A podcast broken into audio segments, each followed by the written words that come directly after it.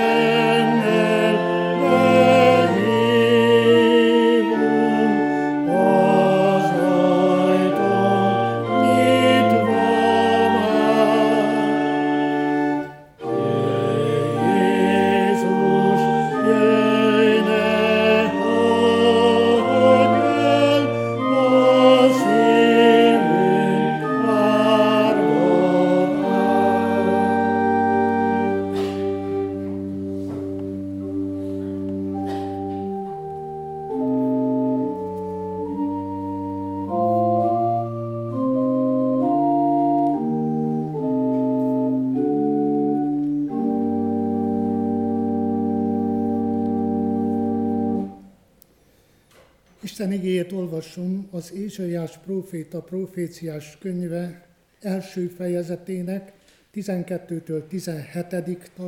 tartó verseiből, valamint második ígeként a Jobb könyve 5. fejezetének a 9-től 12-ig terjedő verseit olvasom. Tehát ezt a két igét, az első az egész heti ökumenikus imahétnek a vezér igéje és központi programja, az Ézsaiás próféta könyve első fejezetének, tehát a 12-től 17-ig terjedő versei. Ez így hangzik,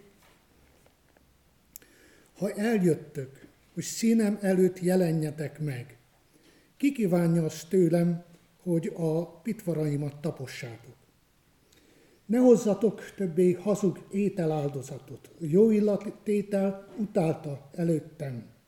Új hold, szombat, az ünnep, felhívás, bűnt és ünneplést el nem szenvedek.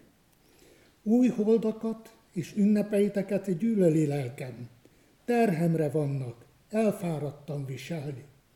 És ha kiterjesztitek kezeiteket, elrejtem szemeim előtt, sőt, ha megsokasítjátok is az imádságot, én meg nem hallgatom. Vérrel rakvák kezeitek. Mondjatok, tisztuljon meg, távoztassátok el szemeim elől cselekedeteiteket, gonoszságotokat, szűnjetek meg gonosz cselekedni. Tanuljatok jót tenni, törekedjetek igazságra, vezessétek jóra az erőszakoskodót, pártoljátok az árvák és özvegyek ügyét. A második ige az a Jobb könyvéből, az ötödik fejezet 11-től 16-ig terjedő versei. Ez így hangzik, hogy az alázatosok felmagasztalja és a gyászolókat szabadulásra vidámítsa. Aki semmivé teszi a családok gondolatait, hogy szándékukat kezeik véghez ne vihessék. Aki megfogja a bölcseket az ő családságukban, és a hamisok tanácsát hiába valóvá teszi. Nappal sötétségre bukkat, bukkannak, és délben is tapogatva járnak, mint éjszaka. Akik megszabadítja a fegyvertől az ő szájukat, és az erősnek kezeitől szegényeit, hogy legyen reménysége a szegénynek, és hamisság befogja az ő száját. Íme boldog ember az, aki Isten, akit Isten megdorgál, ezért mindenhatónak büntetését meg ne utáljad. Ezért a mindenhatónak büntetését meg ne utáljad.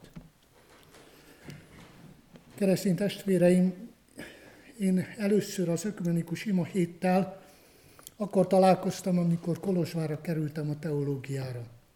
Ugyanis ahol én születtem, a Királyhágó melléki gyülekezetekben, nem csak az ökumenikus imahetet, hanem bibliórát és más ilyen összejövetelt sem volt szabad tartani. Abban az időszakban is az akkori nagyváradi püspök, paplászló ezt szigorúan megtiltotta a lelkészeknek. Amikor felkerültem a Kolozsvári teológiára, akkor a teológián kedvenc tanárom, Juhász István, dr. Juhász István megkért arra, hogy az imaheti programot amit lefordított valaki nyers fordításba, azt én is nézem át, és olvassam végig. Akkor én azt mondtam, hogy professzor úr, én se angolul, se németül olyan szinten nem tudok, akkor még nem tudtam, hogy ezt meg el tudjam olvasni, és hogy ebbe én beleszóljak. És akkor ő azt válaszolta nekem, de magyarul tudsz. És az volt a feladatom, hogy nyelvhelyességileg vagy irodalmi szinten valamilyen módon helyére, tegyük ezt a szöveget, és helyére tegyük mindazt, ami abban van. Azóta minden esztendőben megkapom az ima hétnek a programját, minden esztendőben végigolvasom. És 1978-tól a mai napig nem döbbentett meg egyetlen imaheti program sem. Az idei imaheti program azért döbbentett meg engem, mert a minneszotai közösség állította össze ezt a programot. Minnesotáról azt kell tudni, hogy ez 2020-ban Minnesotában történt az, hogy egy fehér rendőr lelőtt egy afroamerikai, tehát egy néger férfit, egy 28 éves fiatalembert, aki fegyvertelen volt, tehát nem volt mivel védekezni, nem volt semmi. És akkor egész Minnesota és az egész környék, vagy az az állam, amelyikhez tartozott, az fel elkezdett tüntetni, autókat borítottak fel, meggyújtották az autókat, az utcán összetűzéseket tettek, és mindezt azért, mert egy rendőr, egy helytelenkedő, vagy egy, mondjuk azt lehet, hogy egy kötekedő fiatalembert, aki fegyvertelen volt valójában, azt lelőtte.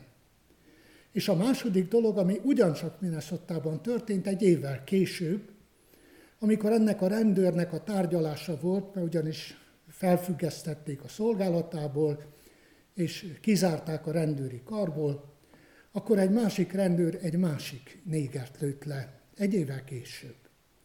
És ez volt az, ami a minnesota közösséget meghatározta abból a szempontból, hogy megírják ezt az imaheti programot, ami az idei esztendőben előttünk áll, aminek minden napján, hogyha ragaszkodtunk volna az imahétnek a programjához, és az imahét igéihez, akkor erről említést kellett volna tenni, és erről, erre oda kellett volna gondolni.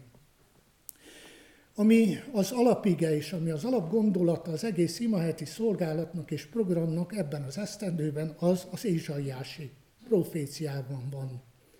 És ezt aztán egy mondatba úgy fogalmazták meg az ökumenikus imahétnek a szervezői és szerzői, hogy tegyetek jót, gondoljatok jóra, Vigyázzatok egymásra, és ne bántsátok a szegényeket és az öregeket. Valamikor elkezdődött a, az afroamerikaiak és a fehérek közötti harc, és ez akkor csúcsosodott ki, amikor ugye ismerjük nagyon sokan a történetet, amikor észak és dél ellen dúlt Amerikának a területén a háború. Ez volt az utolsó polgárháború Amerikában, és a polgárháború után soha nem született meg a békesség. Az az ellentét, ami a fehérek és a négerek között kialakult azon a vidéken, a déliek és az északiak között, az az összetűzés és összeférhetetlenség mind a mai napig tart. Ennek a következménye az, hogy ugye 2020-ban és 2021-ben két embert lelőttek a rendőrök. Na most ennek a, az egésznek a, az alapja, tehát ott kezdődött el, amikor ugye észak-dél ellen harcolt, és akkor, amikor az északiak megadták a délieknek a rabszolgaság aluli felmentést. Nagyon sok rabszolga, akiket felmentettek abban az időben, nagyon sokan voltak olyanok, akik visszamentek a gazdájukhoz és ragaszkodtak hozzájuk. De voltak olyanok is, akik lázongtak az ő életük, az életüket megnehezítő és sorsukat keserűvé tevő dolgok ellen. Így ez az összetűzés mind a mai napig megvan. Ennek az áldozata lett Martin Luther King, ugye hallottunk biztos őróla is, aki néger létére ugyanúgy őt is lelőtték. De nagyon sok mindent lehetne még elmondani, és nem akarok én történelmi órát tartani, vagy földrajz órát arról, ami ott történt és ott történik, hanem az igéhez térnék vissza, és az igéhez való visszatérésemben akkor előttem is megvannak azok a dolgok, amik nálunk történtek. Én elhoztam magammal egy könyvet, nem ajánl, hát ajánlom mindenkinek, hogy ha máshol nem. De a gyülekezet irodájába hagytam egy pár darabot, onnan el lehet venni, kölcsön lehet venni, és ennek a könyvnek az a címe, hogy Embermentés a vészkorszakban Magyarországon. Nem csak a magyarországi menekültek és a menekítőknek a történetével foglalkozik, foglalkozik benne Kolosvárral, Kincsesvárossal, foglalkozik benne azokkal, akik itt vannak. És itt éltek, a könyv szerint annyira becsülik ezen az akkori zsidóságnak a számát itt, Kolozsváron 29-30 ezer lélekre, és ezek azok, akiket a téglagyárba, most már lerombolták a téglagyárat, a téglagyárba gyűjtöttek össze gettóba. Én nem ezekre akarok vonatkoztatni, mert ezt meg lehet kapni, ebbe a könyvbe el lehet olvasni, hanem az ember mentéssel kapcsolatos dologról csak annyit tudok elmondani, hogy akik jót cselekedtek, akik vigyáztak azokra, akik bajba kerültek. Közöttük nagyon sokan vannak, hát a Tel Avivban, Jeruzsálem mellett, ugye most Izraelnek a fővárosa Tel Aviv, Tel Avivban felállítottak egy parkot, amelyik parkban minden egyes olyan embernek, aki egy vagy több embert megmentett a holokausztól és a, a nyomorúságtól, annak egy-egy fát ültettek. És vannak olyan emberek, akik erre hajlamosak, és nagyon oda is figyelnek erre, és megszámolta valaki, és 761 olyan fa van ültetve ebbe a Tel Avivi parkba, ami magyar nevet visel. Tehát népünket, amikor megvádolják azzal, hogy fasiszták, vagy nemzetgyűlölők, vagy ilyenek, vagy olyanok vagyunk, akkor arra kell gondoljunk, hogy voltak 761-en, akik mentettek embereket. Nekem személyes ismerettségem között vannak olyanok, akik ugye ebbe a könyvben nincsenek benne, és nem tartoztak ide, mert Kolozsvárról van két feljegyzés, a többi az Magyarországról és Magyarország területéről van, de volt egy olyan gyülekezeti tagunk, amikor Dézsen voltam lelkész, akit úgy hívtak, hogy Solymosi Albert. Solymosi Albert a zsidó kaszinónak a főpincérje volt Dézsen, és a barátja, akit megmentett, és annak a családja, akit megmentett, az írt egy könyvet. Azt annak idején Albert bácsi idatta nekem, és elolvastam. A címe az, hogy volt egyszer egy Dézs. És ebben leírták azt, hogy a Dézsi környéki, tehát a Szolnok-Doboka, az akkori Szolnok-Doboka vármegye területén Dézsen volt a gettó, az összegyűjtés. És ez az Albert, ez a Solymosi Albert onnan menekített embereket, akiket tudott és rejtett el, azokon a helyeken, ahol el tudta rejteni. Cselekedjetek jót. Az Ézsaiási profécia talán éppen erre is vonatkozna, hogyha nem csak Minoszitta lenne előttünk, és nem csak a fehérek és az afroamerikaiak közötti összetűzéseket tárgyalná az idei imahati program, hanem foglalkozna az egésszel, ami a gyűlöletet, az embertársnak a szét, eltiprását, az embertársaknak a tönkretételét jelenti. A másik ember, akit ismertem, és aki szomszédom volt a Dézsi parókián, amikor ott laktam, szembe szomszéd, az egy Grósz Mária nevezetű asszisztensnőnek az édesanyja, aki ugyancsak Grósz Mária volt. Nem tudom, mi volt a foglalkozása, de azt tudom, hogy amikor az ő leánya megszületett, akkor ő, csináltatott rongyból babákat, és minden nap bement a gettóba, és bevitt egy rongybabát, és helyette kihozott egy élő babát onnan a gettóból. Összesen 34 gyermeket mentett meg, így ezt azok tanúsítják, akiknek a gyermekeit megmentette, és akiket kihozott onnan. Tehát voltak emberek, akik tudtak jót cselekedni, és a tegnap este ige hirdetésnek ez volt a központi gondolata, hogy nem legyünk elkeseredve, hogy nem tudunk jót cselekedni, mert vannak jó cselekedeteink. Vannak, amiket megteszünk, vagy megtettünk azokért, akiket meg akartunk szabadítani, vagy akiket meg tudtunk szabadítani ebben a világban. Tegyetek jót! Őrizzétek meg az özvegyeknek és az árváknak az igazságát. Vajon fel tudunk-e lépni az igazságtalanság ellen?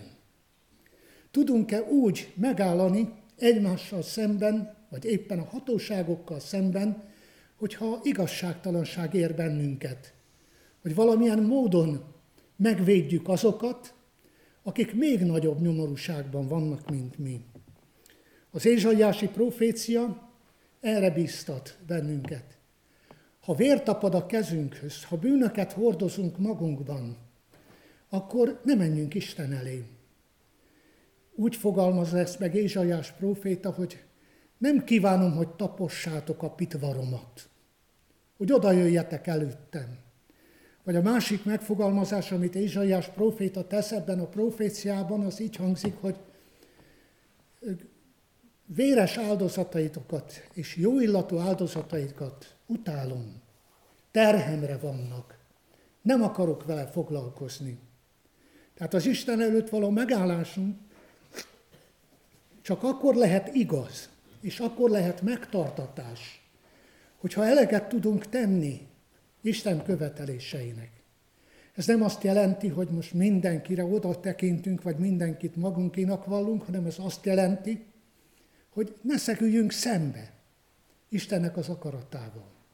Mert ő mindig figyelmeztet, hogy mit kell tegyünk, mindig mellettünk áll, fogja a kezünket, amikor valamit tenni akarunk. Jobb, amikor bizonyságot tesz, akkor azt mondja Jobb, hogy ő az, aki vigyáz rejátok. Ő az, aki megakadályozza a ti cselekedeteiteket. Ő az, aki jót tesz veletek és általatok. A két ige szakasz, amit felolvastam, tehát ebben teljesedik be. És ebben a beteljesedésben nekünk arra kell tekinteni, hogy vajon a mi életünkben és a mi világunkban azokat, akik olyanokat tettek, amiket, akiket ismerünk, hogy úgy őrizték meg a másik embert, hogy kockáztatták a való életüket. Újra visszatérek ennek a kötetnek az egyik leírására. Egy 2020-ban halt meg egy 82 éves idős hölgy, akinek az édesapja a Magyar Operaháznak volt a karmestere és énekese. Ez az öregember több mint 80 embert rejtegetett az operaháznak a pincéjében. Minden nap összegyűjtötte az ismerősei közül az abba az időben, amikor jegyre adták a kenyeret és jegyre adtak minden élelmet, összegyűjtötte ki, mit tudott adni és mennyit, és zsákszámra hordta le a pincébe az ételt, hogy ne halljanak éhen azok, akik az opera, operaház labirintus pincéjében ott éltek és ott rejtőzködtek el. Voltak emberek, akik tudtak és akartak jót cselekedni. Voltak, akik oda tudtak állani az Úristen elé, és el tudták mondani, hogy Uram, te segítettél meg, és te tartottál meg engemet, hogy megszabaduljak. A volt egyszer egy Dézs könyv, amit ugye Albert bácsitól kaptam annak idején meg, azt nem itt adták ki nálunk, Tel Avivban adták ki. És megjelent magyarul, németül és angolul. Én a magyar változatot olvastam abban az időben, és egy zsidó származású, az Auschwitz-i haláltáborból megmenekült ember volt az, aki ezt leírta. És bizonyságot tett arról, hogy bizony voltak olyanok is, akik vigyáztak rejájuk, de igazságtalan lennék, hogyha nem, nem emlékeznék meg arról sem, már arról a valakiről, akit el kellett temet, hát temetésén el kellett végeznem a szolgálatot, aki kakastollas rendőr volt és csendőr, és aki arra vadászott, hogy minél több embert bejuttasson a gettóba. Ott Dézsen temették el, és a temetésén a zsidó rabbin, aki akkor ott a Dézsi zsidó zsinagógában volt rabbi, azon kívül én voltam is a kántornő, akik a temetésén részt vettünk. A város kirekesztette magából, és nem becsülte semmire ezt az embert. Voltak olyanok, megkérdezték ezt az öreg ö, hölgyet, az interjúban le, leírja az interjút vevő ö, újságíró, hogy azt nyilatkozta, megkérdezte tőle azt is, hogy az operaház igazgatója tudott arról, amit a maga édesapja tett? Azt mondja, nem. Mert az a nyilas párttal szimpatizált. Tehát úgy kellett megtegye, hogy a közvetlen főnöke az volt az, aki pont ellene dolgozott, és ennek ellenére meg tudta azt tenni. Nagyon sokszor azt mondom, hogy elszégyelhetjük magunkat, amikor tudnánk segíteni, és nem segítünk. Akkor, amikor oda tudnánk állani, és oda kellene álljunk valaki mellé, és nem állunk oda.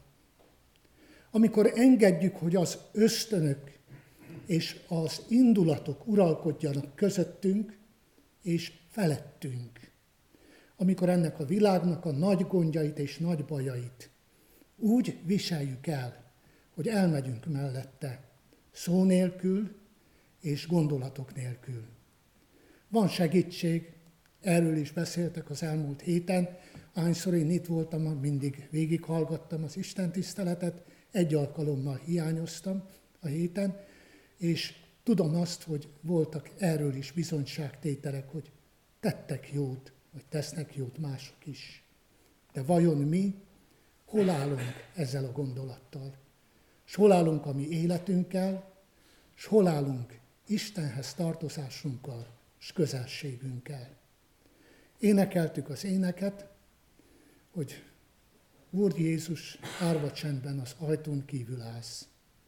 Hányszor áll az ajtón kívül, hányszor várná a kulcsfordulást, hogy be tudjon hozzánk jönni, hogy mi a magunk erejével, a magunk kicsike indulataival, gondolataival előbbre tudjunk menni.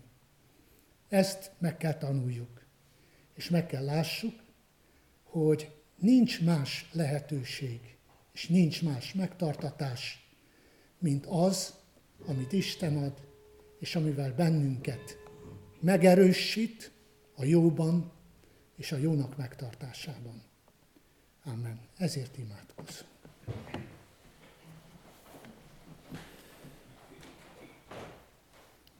Mindenható Úrunk, mennyei édesatyánk, előtted állva hálát adunk ennek a mai estének az ígéjéért.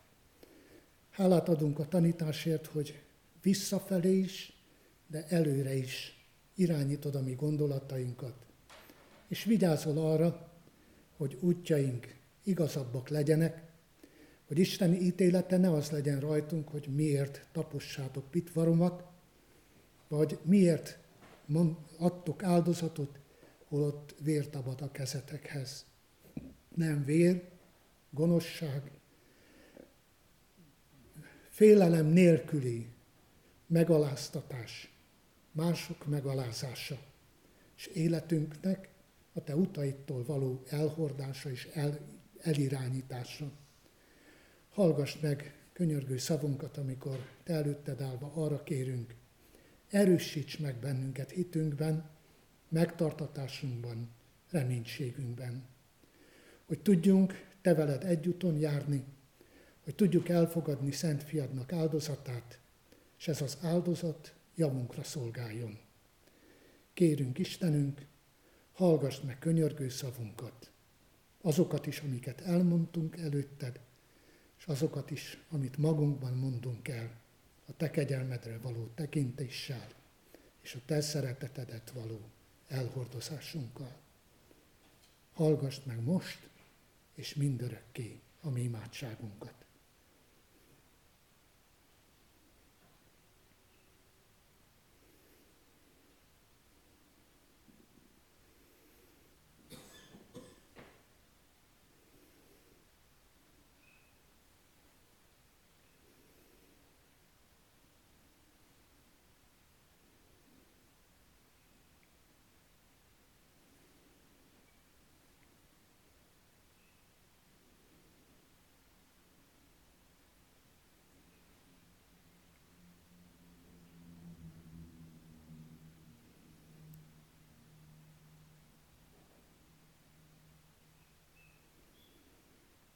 Köszönjük neked, Istenünk, hogy te könyörgő szavunkat mindenkor meghallgatod. Amen. Mi atyánk, aki a mennyekben vagy, szenteltessék meg a te neved. Jöjjön el a te országod, legyen meg a te akaratod, mint a mennyben, úgy a földön is. Ami mindennapi kenyerünket add meg nékünk ma, és bocsásd meg a mi védkeinket, miképpen mi is megbocsátunk az ellenünk védkezőknek. És ne védj minket kísértésbe, de szabadíts meg a gonosztól, mert tied az ország, a hatalom és a dicsőség mindörökké. Amen. Az egyház javára történő persejes adakozást a gyülekezet figyelmébe ajánlom. Adakozzunk jó szívvel, tudva, hogy a jókedvű adakozókat szereti és megáldja az Isten. Áldásra várva énekeljük el énekes könyvünk 359. számú énekét, annak mind a három szakaszát. Az első szakasz így kezdődik, Istenemhez száll az ének, és ő benne vigadok.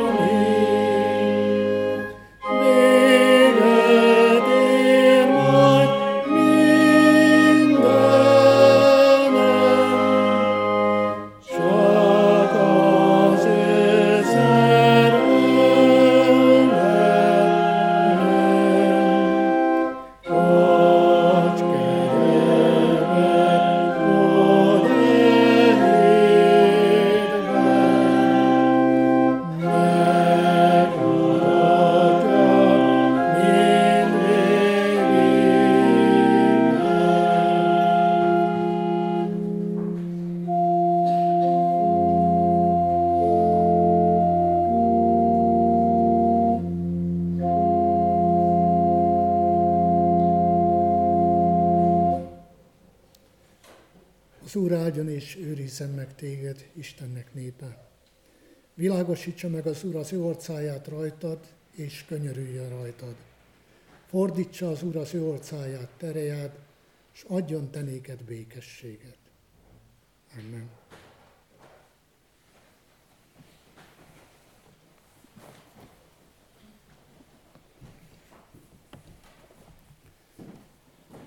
Köszönjük a tiszteletesünknek, hogy elfogadtak mai estére valami illetősít. Köszönöm szépen. Kérünk, tudunk mindent. Hát csak annyit mondanák el, amit nem mondtam. Én Dézsen voltam katona, és akkor, amikor katona voltam, akkor a bongár, vagy bongor erdőbe mindig keresztül kellett menjünk a kaszárnyából ki a domtetőre, ott volt a gyakorlótér, és az érdekesség az egésznek az, hogy a bungar erdőbe, ahol annak idején a gettó volt, ott egy vendéglő működik. Tehát ez megdöbbentő, hogyha az ember tudomást szerez arról, hogy mi is volt ott, és mi is történt, és annak a helyén egy mulató hely, egy vendéglő van. Tehát vannak még ilyen dolgok, de ez is hozzátartozik a mi életünkhöz. Isten áldása legyen mindenki.